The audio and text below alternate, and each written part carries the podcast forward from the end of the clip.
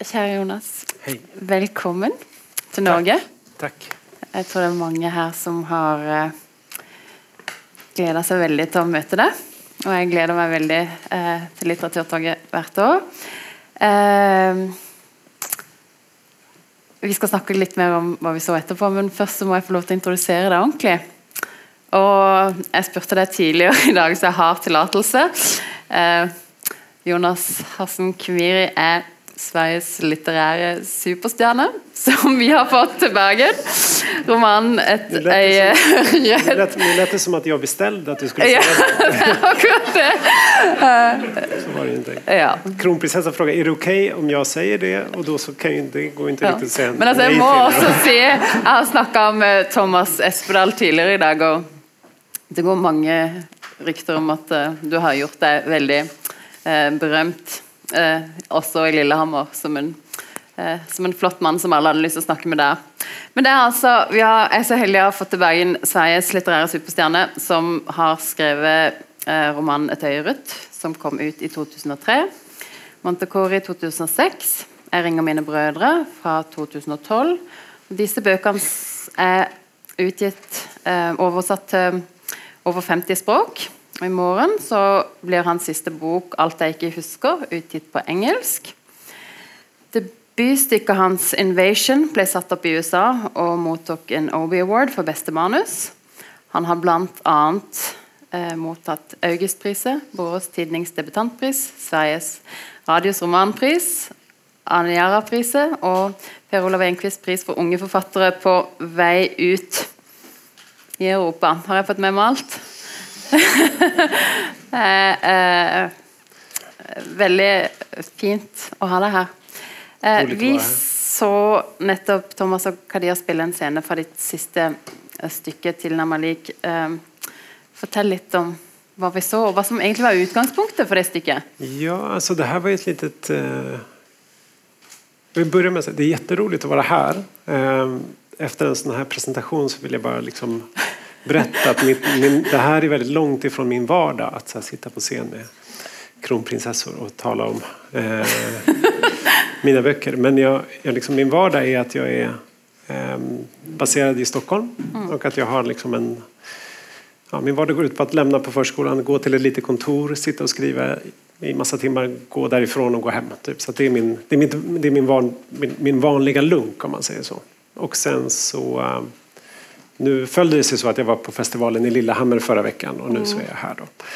Eh, Och det som vi såg precis, det var en liten eh, scen ur en pjäs som jag skrivit som heter Ungefär lika med. Eller egentligen heter den ehm, den heter liksom det här, alltså den heter Det krokiga likamedelstecknet som det uttalas ungefär lika med. Ja. Som är en pjäs som hade premiär i Sverige ehm, för två år sedan.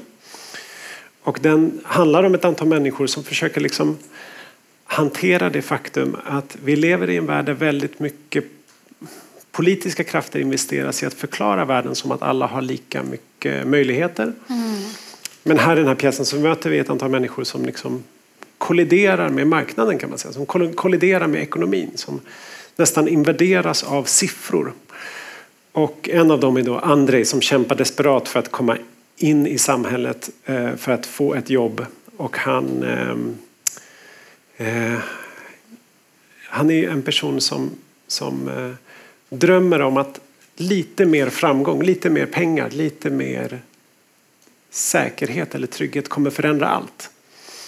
Och jag tror inte riktigt att det på hans resa, det som vi ser i hans resa är väl kanske att, att, att, ja, att det är betydligt svårare än vi, än vi tror. Ehm, det som följer efter den här scenen är att han börjar skicka ut de här breven och han, Ja. vi får se i hans fantasi hur, liksom, hur han tänker sig att människor läser hans ansökningsbrev när han inte är med.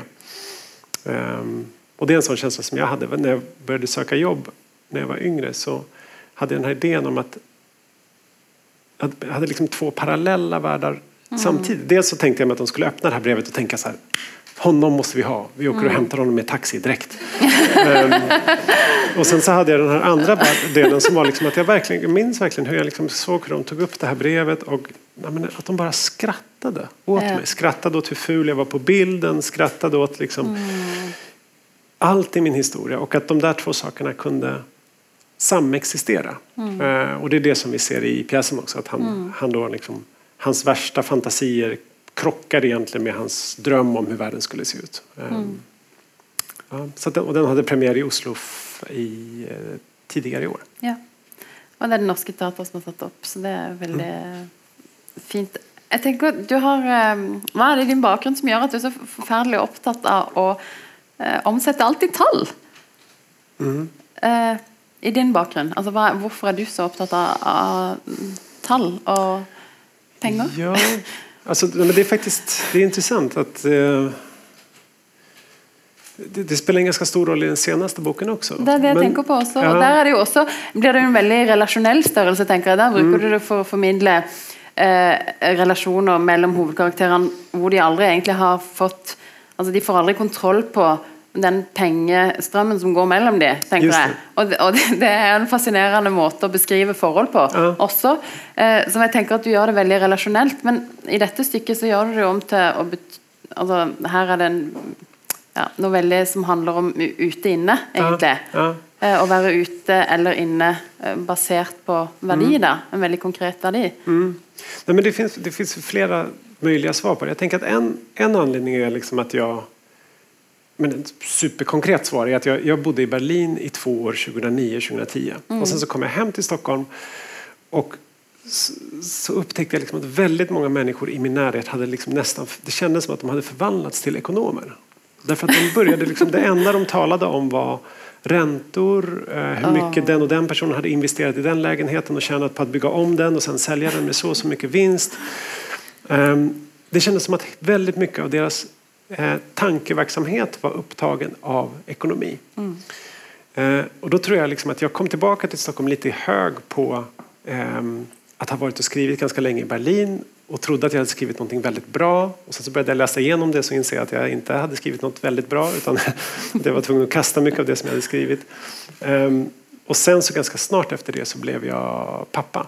Ja. Ehm, och det var intressant för att jag, det var sån tydlig krock mellan att jag först tittade på män- människor i min närhet och tänkte så här, Gud, vad, vad, varför bryr ni om ekonomi? Pengar är ju, det ska väl inte styra vår värld på det sättet som ni låter dem göra.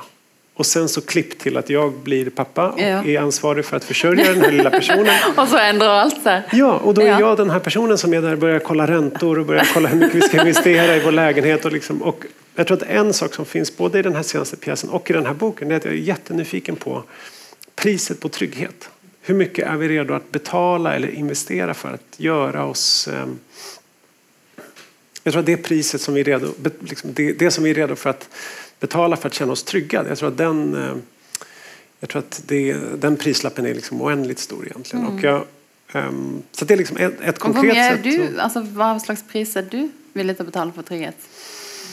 Jag tror att när jag skrev de här två, de här två senaste verken så tror jag att jag av olika anledningar så insåg jag att jag var redo att betala vad som helst för Ja. att min familj skulle känna sig trygg. Ehm, det hade att göra med att jag hade skrivit vissa saker i Sverige som hade blivit väldigt offentliga snabbt och som hade fått en stor spridning vilket gjorde att jag fick mycket kärlek från vissa men att jag fick också liksom negativa reaktioner från andra och att jag insåg att ehm, jag tror att jag tänkte väldigt mycket på vad ehm, att jag liksom den här drömmen som jag hade haft om att det gick att skapa en värld bortom ekonomin, bortom samtiden på något sätt, att den var förenklad. Sen så tror jag också att jag är uppvuxen i en familj där ehm, men speciellt min pappa tror jag tänkte väldigt mycket på att om vi bara hade lite mer pengar så skulle allting vara så mycket bättre. Och jag är inte, jag är liksom en medelklassbakgrund och min, min pappa var eh, modersmålslärare i franska och arabiska och min mamma arbetade som sjukgymnast när jag växte upp. Men att det fanns någon slags, jag kunde i alla fall känna när jag växte upp att, att ekonomi var någonting som var väldigt, så här, var väldigt synligt i vårt hem.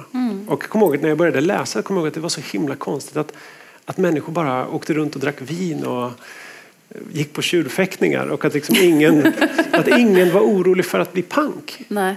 Därför det var, och liksom, det, det var för, jag tänker på att jag läste fel författare också. Ja. Men jag, tyckte, liksom, jag älskade de här böckerna men, men ingenstans var någon, det var liksom ingen som Alltså allt så himla mycket i min vardag eller människorna runt omkring mig vardag gick ut på att försöka hitta trygghet. Via ekonomi, via kontakter och sådär. Och det var så märkligt att det inte syndes i texterna. Ehm, och det, tog, det var först senare som jag hittade rätt personer att läsa. Så. Ja. Men du valgte att studera ekonomi också, gjorde du inte det? Ja, men det kanske var så.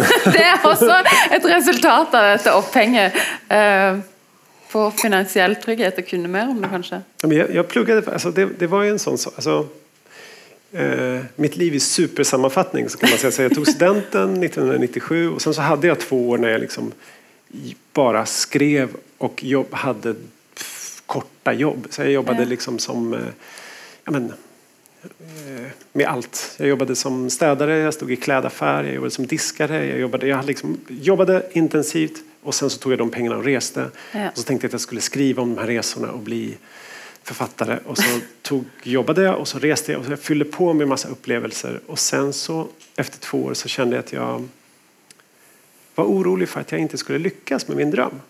Så då så, det var också lite ehm, vissa personer i familjen, kanske mest min pappa som eh, tyckte liksom att jag var tvungen var att göra, ja, men göra något riktigt. Ja. Det kommer jag ihåg att han sa. Du måste göra något riktigt. Och vad är riktigare än ekonomi? Jättemånga saker men, men, men då tänkte jag så här, men då, då, då har jag skrivit i två år. Nu, och jag sa inte till någon att jag skrev, så då lämnade jag in min första liksom mitt magnum opus, min första bok till eh, två förlag och sen började jag på Handelshögskolan i Stockholm. Och sen så läste jag där i två och ett halvt år och läste litteraturvetenskap parallellt. Men sen så kom min första bok ut. Så att jag, är liksom, jag, jag, är jag är inte klar ekonom, jag är inte klar litteraturvetare. Det enda jag har gjort sedan 2003 när min första bok kom ut det är att skriva. Ja. Och det har du gjort väldigt gott och blivit väldigt gott mottatt. Eh, vi ska snakke litt om den siste boka di. Eh, eh, alt jeg ikke husker. Eh, er Anette Flesland. En fantastisk vakker bok som handler om eh, Ja, du kan jo få lov til å fortelle selv hva den handler om. Ja, den handlar ju om... ehm, den är inte superlätt att sammanfatta. Ehm, jag var, precis när boken den kom ut förra året på svenska och då så var jag på någon sån här grej där det Den svenska kom ut förlaget... eh, eh, i Norge i høst. Just det. Ja. Och ehm, det... Eh, svenska förlaget ville att jag skulle presentera den och då så kom jag ihåg att jag bara satt i en liknande situation som nu och så sa jag så här... Ja, den handlar om tomhet, sa jag. Åh, då så, så, fint! så, ja, så, då Oj. tror jag att mitt svenska förlag satt och såg liksom Säg något mer! Säg något mer. Jag kan inte sluta där. Åh, Men nej, för mig, så, ikke si noe mer. ja, men den handlar, för, mig, för mig är det en bok som handlar mycket om tomhet. Men, Ja. men jag, kan, jag kan bara beskriva var vi befinner oss. Det är en, det är en, det är en värld som är det vi befinner oss i ett samtida Stockholm Mm. och vi befinner oss så att säga, i ett efteråt. Vi vet att när boken börjar så vet vi att en ung person som heter Samuel är död. Han har tagit sin mormors begagnade bil, en Opel, och kört den rakt in i ett träd eh, i ett område som heter eh, ett industriområde som heter Västberga söder om Stockholm. Och så finns det en författare i den här boken som kanske påminner lite om mig som får höra om den här korri, korri, liksom, eh, krocken, den här kollisionen och som bestämmer sig för att försöka få reda på vad det var som hände egentligen. Så att när författaren börjar helt enkelt intervjua alla människor som kände Samuel och försöker lappa ihop honom med hjälp av alla minnesbilder som Samuel har lämnat efter sig. Och då träffar han hans ex-flickvän som heter Laide. De hade en stormande kärleksrelation som slutade i kaos efter att de hade startat ett politiskt projekt som handlar just om trygghet. Han träffar ehm, Samuels absolut bästa kompis som heter Vandad som absolut inte bryr sig om pengar. Det är liksom hans grej. Jag bryr mig inte om pengar. Jag tänker aldrig på pengar. Eh, Pengar är inte viktigt för mig. Penger blir jo viktig for han. Ja, men Nettopp fordi han bryr just så de, lite. person, ja. de personerna som säger så här. Ja, jag tänker aldrig på pengar. De har en väldigt blå speciell relation till Ja. pengar. Han är väldigt mån om att säga att nej, men pengar, jag, jag bryr mig absolut inte om pengar. Ibland betalar han, ibland betalar jag. Ganska ofta jag. han, liksom, han, han, han är mån om, ofta, ja. väldigt ofta. Och, d- så den här författaren börjar fråga då alla de här personerna om vem Samuel var, försöker förstå vad var det som gjorde att han körde in i trädet? Var det att han var hade blivit besviken efter den här kärleksrelationen tog slut? Var det det här politiska projektet som slutade i kalabalik? Var det någon annans svek? Var det Vandads svek? Vad var det som gjorde att Samuel gjorde det? Eller var det bara bilen som gick sönder?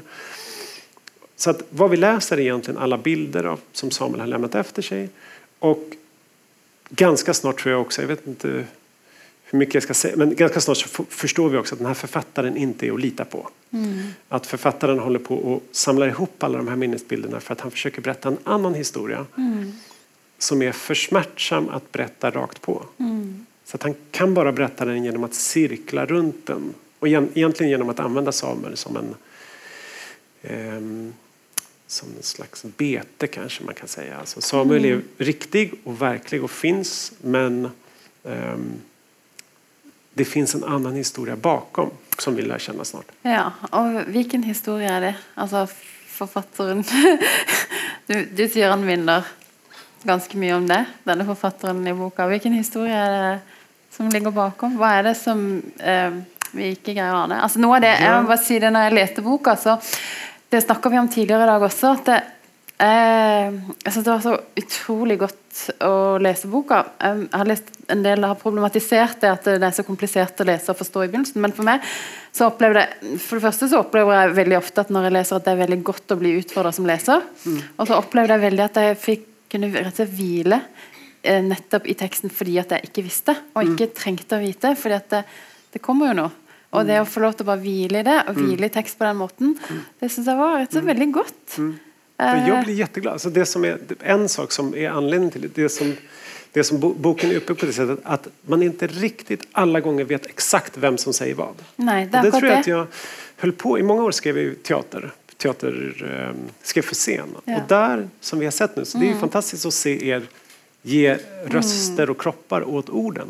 Men jag längtade tillbaka till boken. Boken är den formen som har betytt absolut mest för mig. Ehm, och jag började tänka så här, men vad är poängen med boken? Vad är det jag älskar mest med boken? Men en sån sak som jag älskar med boken det är att ibland vet vi inte vem som talar. Vi har inget ansikte, kropp eller ålder eller kön på den personen. Och då måste vi se vad den säger snarare än ja, hur den personen ser ut.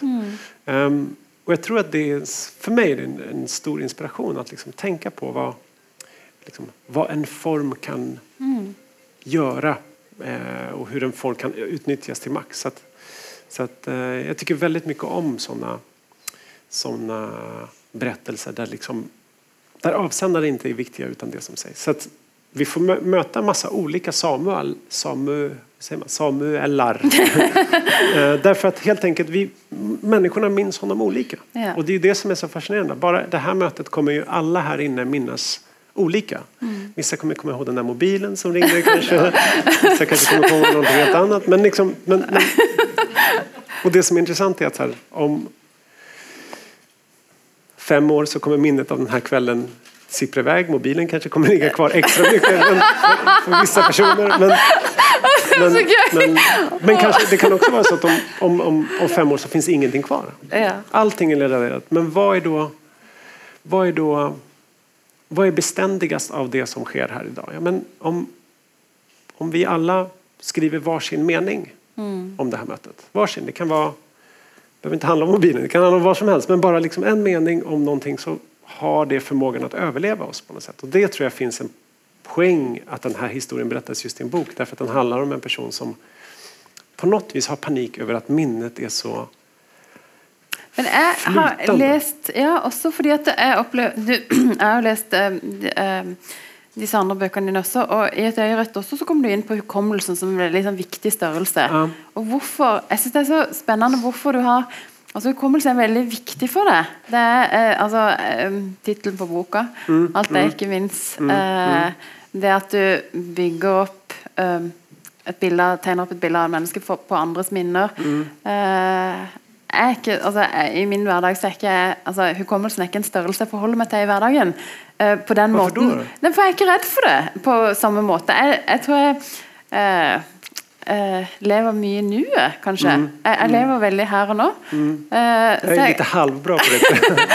og så eh, Og jeg har ikke så god hukommelse heller. Jeg har egentlig, jo, jeg har veldig god hukommelse og har veldig dårlig hukommelse samtidig. Men, men ja, jeg opplever at eh, Jeg tror, fall, sånn som det virker på meg, så er du opptatt, veldig opptatt av hukommelse. Hvorfor har det blitt sånn i forfatterskapet ditt? Det är en väldigt bra fråga. Jag, jag, mm, jag tror att jag alltid har haft... Om man är en person som har skrivit mycket så märker man tidigt att det aldrig går att minnas allt. Ja.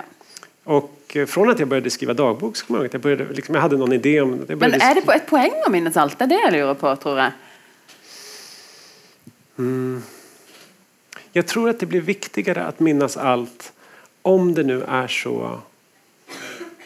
Jag tror jag har alltid haft en dröm om att ha det perfekta minnet. Om att kunna återberätta en dag med alla nyanser, med varenda vindpust, med varenda intryck. Och jag tror att den drömmen kommer från att i mitt hem så fanns det eh, vissa personer som var väldigt närvarande i perioder och sen så under andra perioder så var de inte lika närvarande. Det låter kryptiskt, jag kan inte göra det mindre kryptiskt tyvärr. Men, men, men den här upplevelsen av att någon som är otroligt viktig för dig, alltså som är en gud, som är ditt allt, är där i tre månader och sen plötsligt av någon outgrundlig anledning inte kan vara där.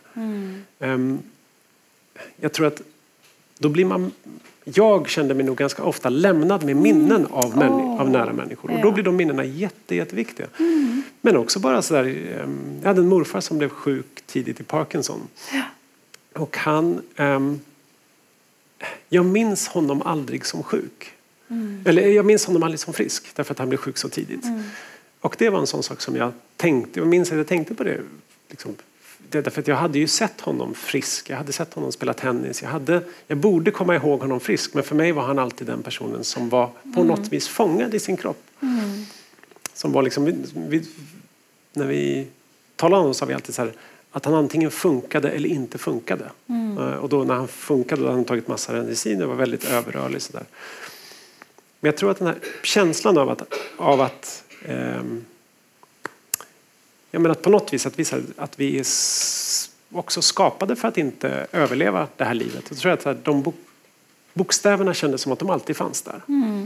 Och skrivandet fanns ju alltid där. Vad som än hände så kunde jag alltid gå till mina bokstäver. Så kunde jag liksom skapa min verklighet. Så, där. Ehm, så det, ja, men det kanske är därför som, eh, som jag från tidig ålder började tänka så här, tänk om jag någon gång skulle kunna försörja mig på mina ord. Det var en, en, en grej som jag minns att jag drömde om väldigt tidigt. Det var otroligt häftigt. Jag visste inte vilken form det skulle vara. Ett tag hade jag tänkt på att jag skulle bli liksom Sveriges första gangsterrappare. gick sådär med tanke på att jag har begränsade erfarenheter av gangsterliv. Ehm, jag bara satt på bibliotek hela tiden. Men jag, jag, liksom, jag, eh, jag har haft olika liksom, planer på att försörja mig på, liksom, ja, på ord helt enkelt. Så, ja.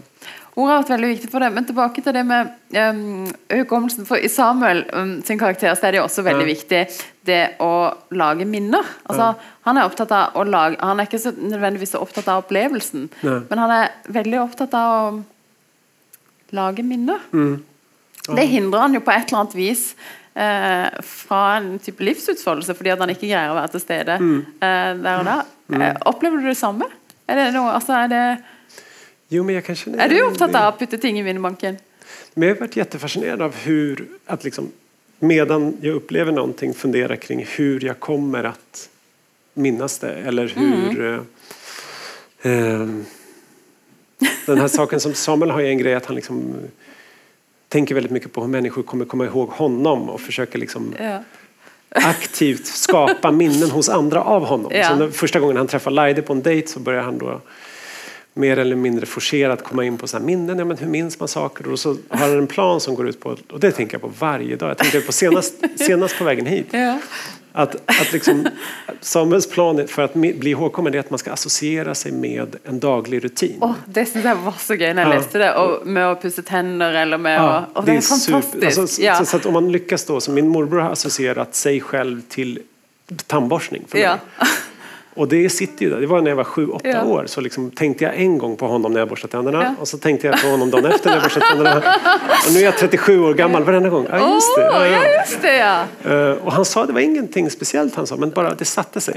Liksom. Och, så det är tricket. Och då Samuel då föreslår Laide så här, ja, men, så planen kanske är då att man ska försöka associera sig till kaffedrickningen.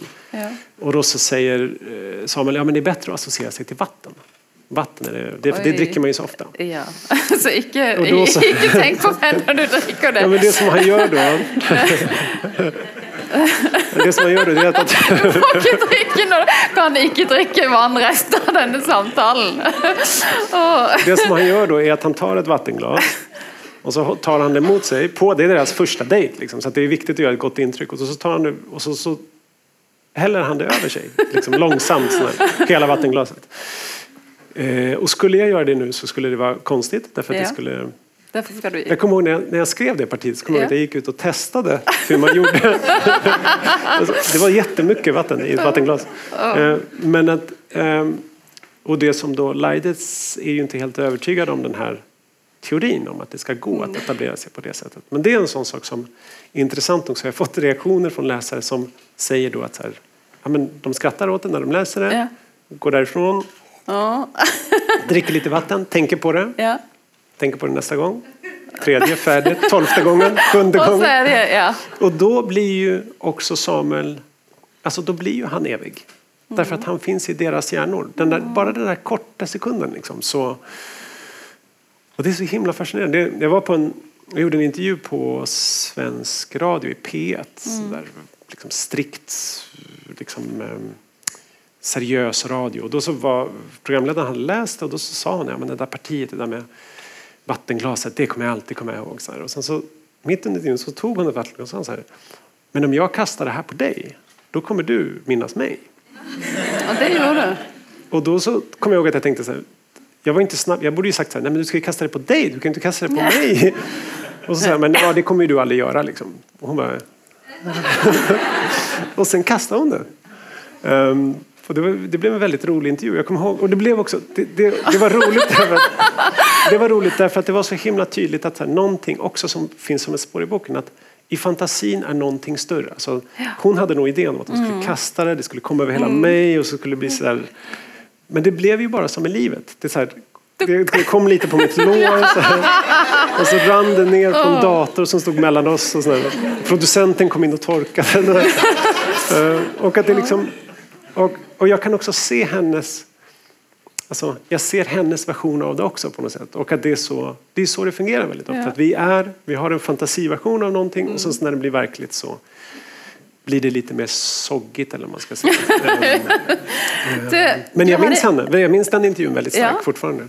du, äh, mm. du skulle egentligen skriva en annan bok.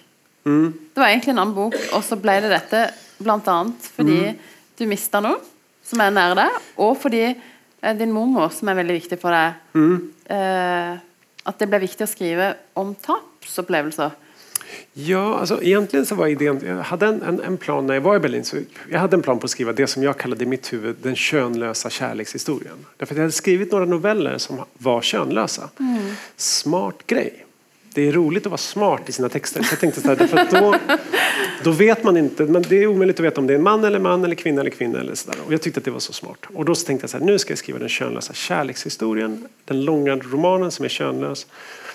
Men problemet med om man skriver med den, det var liksom en teoretisk idé som var väldigt svår att genomföra i praktiken. Det funkade i kortare sekvenser men jag höll på väldigt länge. Och jag har många sidor som jag skulle vilja ändra. En sak, ibland kan jag vara så envis att jag jag borde gett upp den där idén långt tidigare. Jag borde bara släppt den. Så det, det, går inte att skriva... Jag hittade inte sättet att få den historien att få liv. För jag, bara, jag kommer ihåg att jag bara zoomade ut med Först bara, men de ska inte ha något kön. de ska inte ha någon namn heller. De, ska, de ska inte heller bo i en riktig stad. De ska bara vara vagt landskap. Sådär. Och ingen tid heller. och plötsligt har du ingenting runt. igen.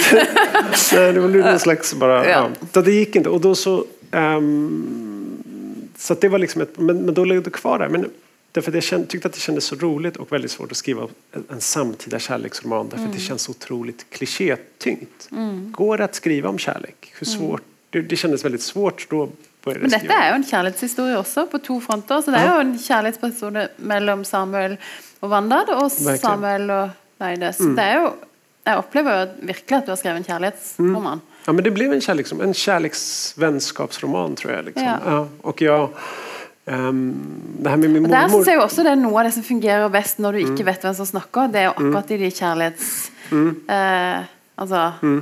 Spesielt helt mot slutten, da.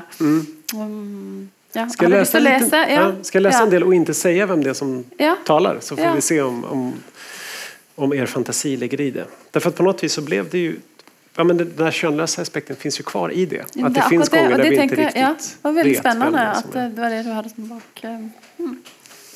Så det här är någon då i boken som säger det här. Jag tror att jag älskade honom. Ta bort tror. Jag älskade honom. Jag älskade honom på ett sätt som jag aldrig har älskat någon innan. Jag älskade honom trots att vi ännu inte hade sovit ihop. Jag älskade honom för att han kiknade som en liten pojke när han skrattade och fällde en tår som en gammal gumma när det blåste. För att hans spetsiga hörntänder fick honom att se ut som en katt och för att hans stora huvud balanserade så kungligt på de tunna axlarna. Och för att hans slitna kläder fick honom att se ut som en person som hade viktigare saker att bry sig om än att tvätta och sy knappar och för att hans lukt var en människas och inte en parfymtillverkares. parfymtillverkares. Jag älskade honom för att han förvandlade alla mina tidigare relationer till underliga parenteser. Och ibland fick jag en stor impuls att ringa upp mina gamla pojkvänner och säga att jag måste ta tillbaka några saker. När jag sa att jag var kär så var jag inte kär. Och när jag sa att jag tyckte om vårt sam våra samtal så överdrev jag. Och när jag sa att du var rolig så ljög jag. Och när jag sa att jag älskade dig så visste jag inte bättre. Och när jag gjorde slut och sa att det inte var du utan jag så stämde inte det heller. För det var inte mitt fel, det var inte jag som var sönder. Det var du som var fel. Det var ni som var sönder. Jag hade bara inte träffat rätt person. Och när jag väl gjorde det började det inte med en känslostorm som långsamt mattades av till en lugn bris som sen blev en kvävande vindstilla vardag med nagelklippning framför tvn och bråk om försvunna mobilsladdar.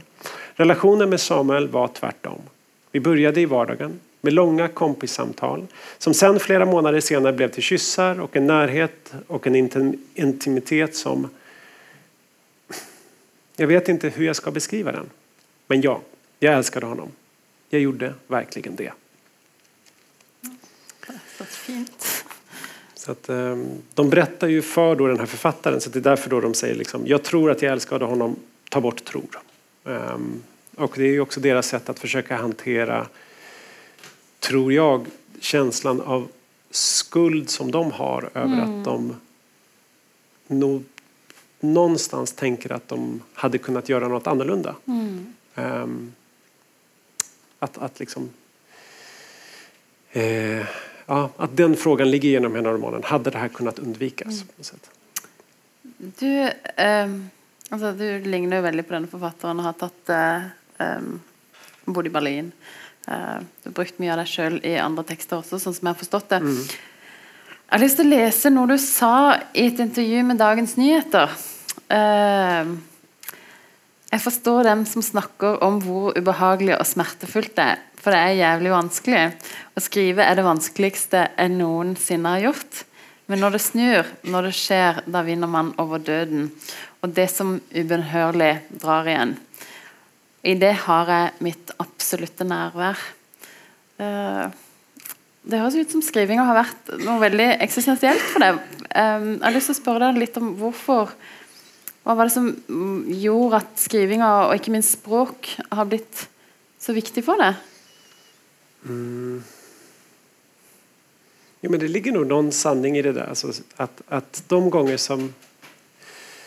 Eh, jag har nog haft väldigt svårt att vara närvarande. Men ja. den gång, de gånger som jag har känt mig totalt närvarande har varit alltså, de gånger jag har blivit kär eller när jag har fått barn eller när jag har skrivit. Det är liksom de tre gångerna som jag märker väldigt tydligt att jag liksom har ehm, att ingenting annat har funnits i den stunden. Så, Mm. Ehm, så det, det är väl någon slags känsla av att tiden upphör. Mm. Ehm, och det är anledningen till att det är svårt eller annat. Det är liksom, när jag var yngre så trodde jag att jag skulle bli bättre och bättre på det här. Att jag skulle liksom på något vis ha bättre kontroll på hur det här gick till. Hur gör man? Och nu så blir jag upplever det som att mysteriet blir större och större. Men att jag, det gör också att fascinationen för det växer. Ehm, att jag inte själv riktigt vet men ehm, eh, det gör också att skrivprocessen, det här är nog den svåraste och också det är nog den mest personliga bok jag har skrivit. Ehm,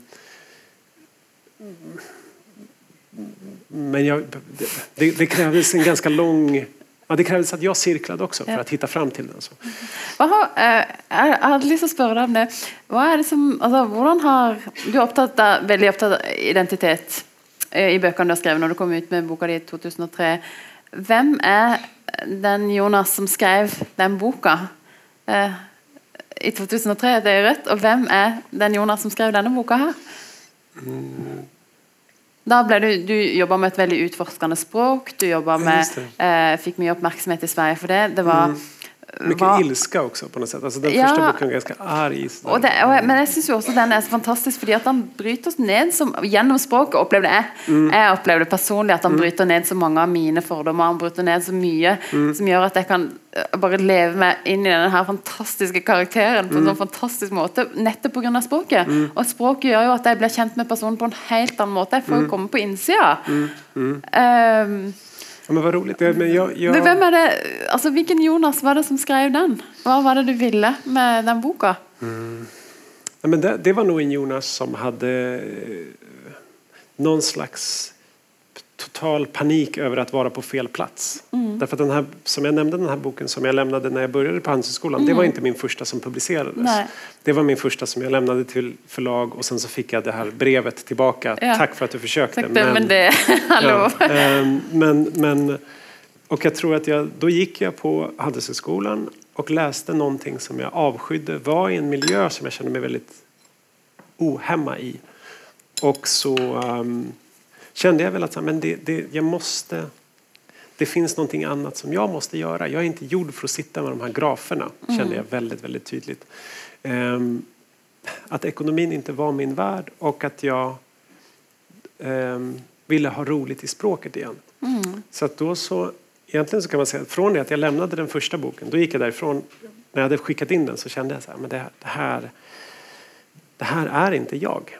Den här boken är skriven för någon annan, för dem, för förlaget, för att visa att jag hade väl läst viss, vissa böcker eller sådär. Jag, jag kände inte mig som mig själv. Nej. Och då föddes den här, det som sen blev Ett Gröt, det var liksom bara en, en, eh, ja, men en Det er jo et veldig lekende språk Ja, også. det var väldigt roligt. Och det, det, lite likhet med den här faktiskt. Ja. finns, det finns ju spår som har följt mig sedan dess. För det är liksom, människor i mitt skrivande håller ju ofta på att försöka ersätta försvunna människor med ord. Ja. I den första boken så, hans mamma lever ju inte. Ja. Så han försöker nästan des, desperat skriva tillbaka henne. Och den här boken så finns det ju, det är ju dels Samuel som inte finns, men det finns ju på något vis så finns han ju därför att folk berättar om honom. Så att berättandet får honom att återuppstå.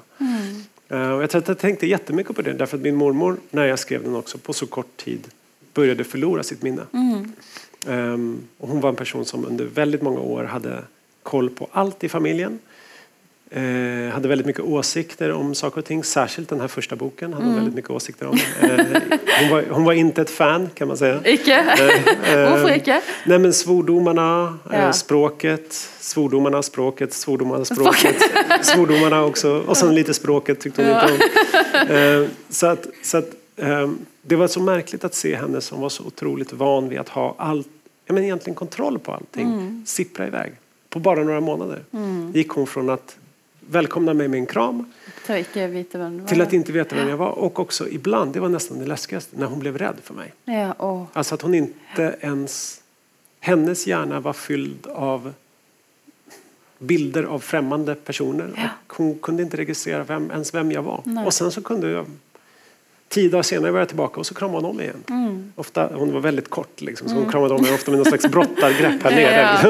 Ja. Men att hon... Um, och jag tror att det, det finns ju en mormor ja. i den här boken också. Som, ja. Har, som är väldigt nydlig, jag måste säga det, i all sin uh, ja, jag, försöker, jag tänker på vad det betyder, men ja. om du undrar... Förlåt. Nydlig, vacker, ja, skön. Ja, ja. ja. Mm. ja nydlig. Ja. Ehm. Språkbarriär. Ja. Um, men, nej, men jag tror också att och den här, det hon gör då i boken, och som min mormor gjorde också, det var att när konturerna av det egna jaget börjar luckras upp mm. då tror jag att texten finns där. Mm. Och orden finns där och siffrorna finns där. Alltså att hon går hela tiden till vissa uttryck som hon har använt tidigare. Mm. Så texten blir livsviktig då för henne för att försöka hitta tillbaka till den hon är. Kan man säga. Ja. Är det samma för det? Ja, men jag tror att det har varit min livboj på, på många sätt. När jag, när jag tänker mm. tillbaka på mitt liv och vad jag minns av det så är väldigt, jag vet inte, det känns som att mer, ja, kanske 55 procent av mina minnen är kopplade till böcker som jag har läst på något mm. sätt. Um, det behöver inte betyda att det är falska minnen, men det bara betyder att, min, att jag haft väldigt många parallella liv. Och då var mm. mitt liv väldigt tråkigt och vardagligt i jämförelse med att vara en, mm. En eh, ja, på jakt genom en skog på, på jakt efter orcher. Eller liksom att, att, att det fanns så många andra liv som var eh, roligare än mitt. Mm. Eh, mer spännande. Men, det er uh, fantastisk. Vi kunne jo sittet her i Jeg vet ikke hvor mye tid vi har igjen. Nei, ingen, ikke så mye tid um, vi har litt tid igjen. Uh, for de som har sitt, lyst til å sitte og høre på oss mer, så tror jeg vi tar oss litt ekstra tid, hvis det er greit. Ja, uh, Det håper jeg. Um, det er noen ting jeg, har lyst til å spørre deg om. Du har jo um, markert deg som en politisk forfatter også. I Sverige så har det mm. vært mye Du har vært med på en ganske um, tydelig Du har tatt en tydelig rolle. Uh, hvorfor har det vært viktig for deg? Hva er det som har gjort at du har følt det behovet? Hva er det som uh, du tenker at uh, har gjort at du har altså det et, um, I 2013 så skrev du et uh, offentlig brev i en avis uh, til justisminister Beatrice Ask. Mm. Og du spurte om dere kunne bytte kropp. Hva, hvorfor, hva var utgangspunktet? Som man gjør. ja, som man gjør. Har du, lyst å bli justis har du, har du lyst til å bli justisminister? Var det derfor du ønska? Den, um, det är intressant det där att, att bli kallad för politisk författare. För man kan ställa äh, Upplever du dig själv som politisk författare? Nej, men man kan fråga, där, vi, vi, nämnde tidigare att, att, när jag växte upp så läste jag många böcker där till exempel ekonomi inte var en fråga. Nej. Alltså människor bara hade pengar i ja. överflöd och var rika. Typ. Mm. Um, är inte det att vara politisk? Att mm. beskriva en värld där ja.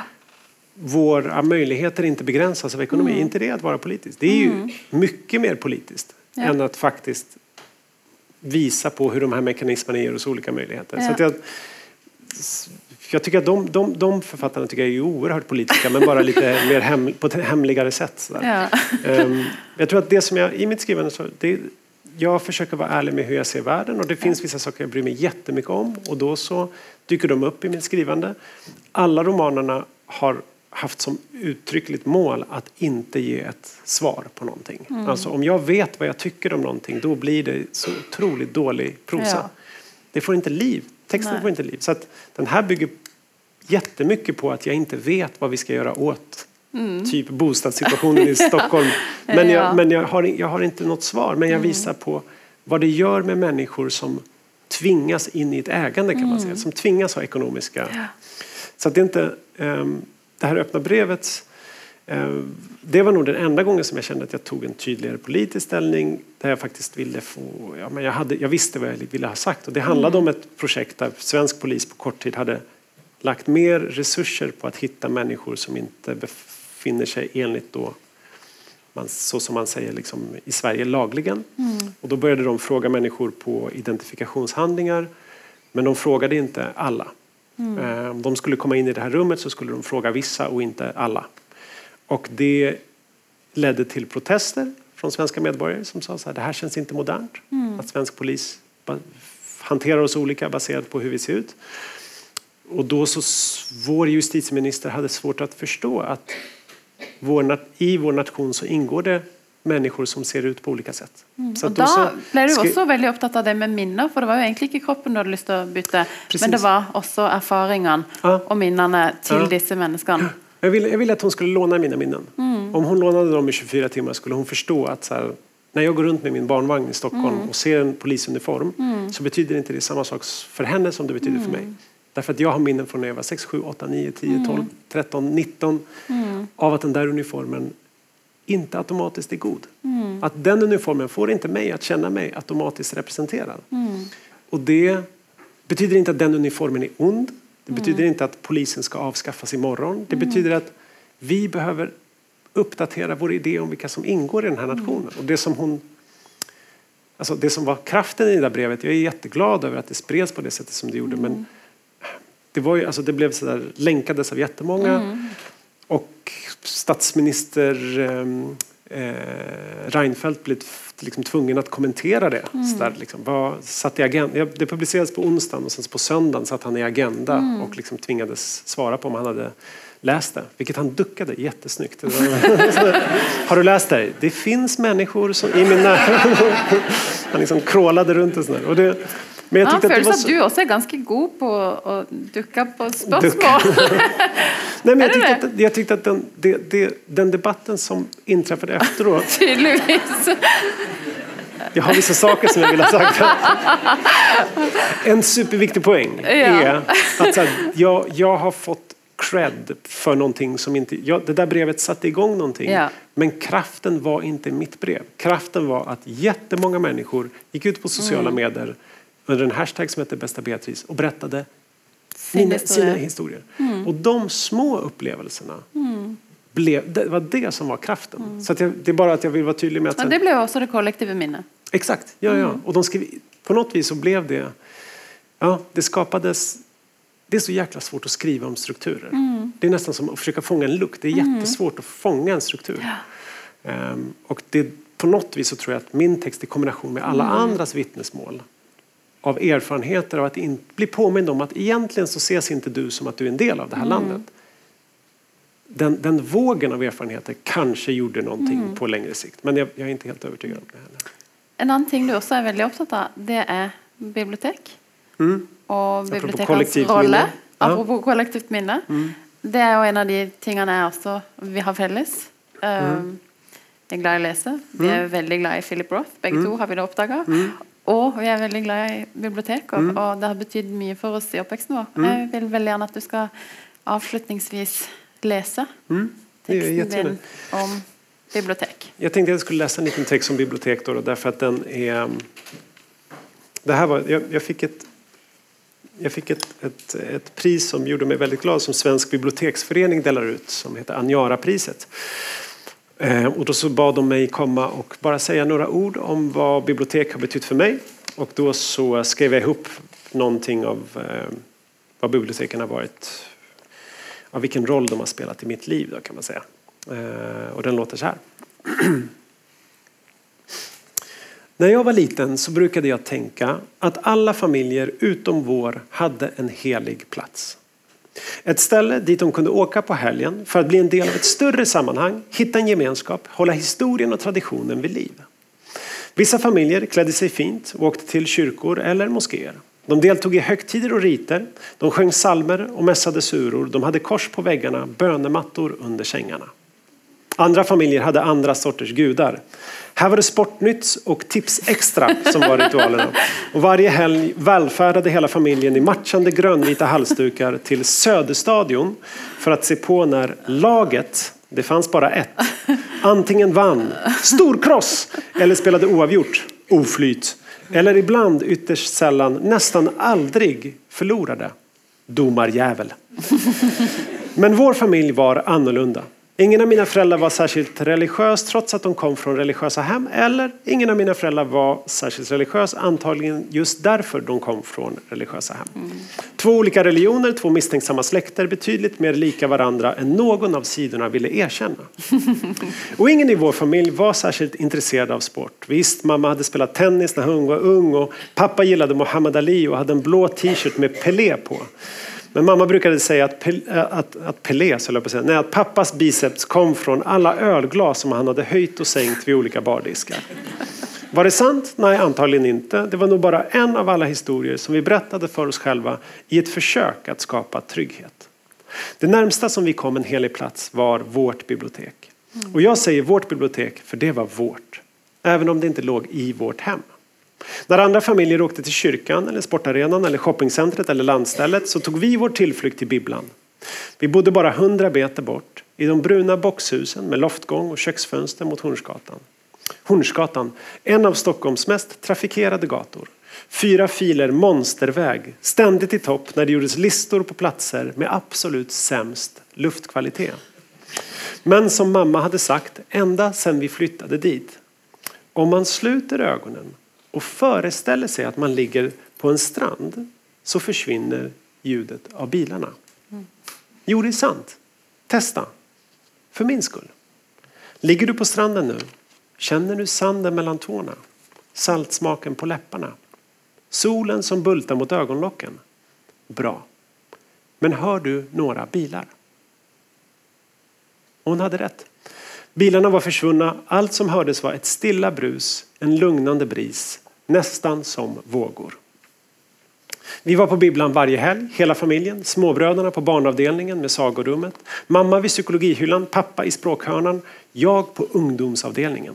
Det hängde med Ponyboy och Soda Pop. Det här är så favoritböcker som jag läste då. Det är en Outsiders av Susan E. Hinton. Besökte häxkonferenser, Roald Dahl, och krigade mot orcher. Men ibland tog jag trappan upp mot vuxenavdelningen till texter befriade från teckningar och skyddsnät. Här lärde man sig tala med andra människors tungor. Här fanns amerikanska kannibaler, ryskättade pedofiler, alkoholiserade franska tanter, flyktingar instängda i vattentankar. Den är väldigt svår. Om det är någon Rasan Kanafani, Män i sol, som är jättebra. Och Luanda-boende hundar. Den är helt omöjlig. Men den, en hund i Luanda av Perpetuela, som är en fantastisk bok. Och här fanns sexscener, avsugningar, orgier. Allt förklätt bakom helt neutrala titlar och författarnamn som bara var namn. Det sjukaste var att det var gratis. Helt 100% kostnadsfritt. Man behövde inte betala någonting. Sa jag att det var gratis? Här fanns en plats där vi fick äga rum utan att behöva äga något. Vi fick tillträde utan att behöva betala inträde. Vi fick tillgång till historier utan att behöva skala bort nyanserna i vår egen. Det var som en fristad, en paus från omvärlden. Här rådde helt andra regler. Full returrätt, inget kvittotvång, evigt öppet köp.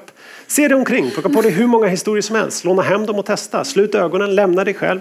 Släpp etnicitet, kön, språk, sexuell läggning, tid. Det enda som begränsar antalet historier är kommande års biblioteksbudget som alltid, alltid, alltid, alltid, alltid, alltid, alltid, alltid, alltid, alltid, alltid, alltid, alltid, alltid, alltid, alltid borde höjas. Lite sån crowd pleasing för biblioteks... Ehm, det var lite för bra för att vara sant och kanske var det därför som jag någon gång i tonåren testade att göra revolt.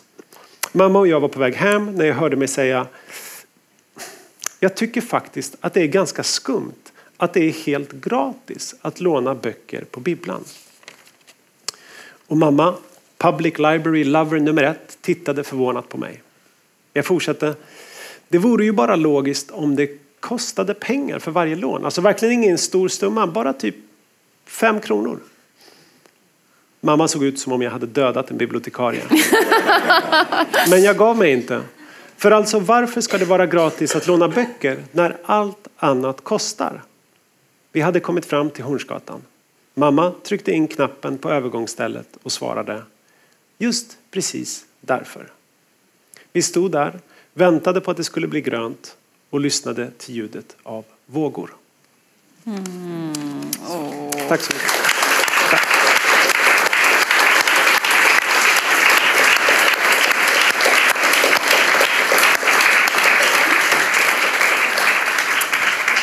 Kära Thomas och Kadir, tusen, tusen tack för det ni har varit med på att förmedla ikväll.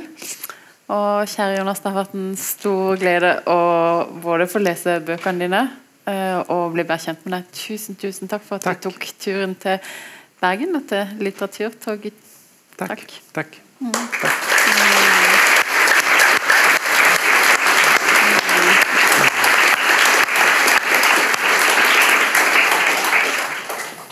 Takk for samtalen og for besøket. Vi på Litteraturhuset i Bergen er stolte og glade over å være utgangspunktet for årets litteraturtog over fjellet fra Bergen til Oslo. Og vi ønsker dere gode forfattermøter videre, der dere stopper på veien, og god reise. Takk for i kveld. Mm, tusen takk.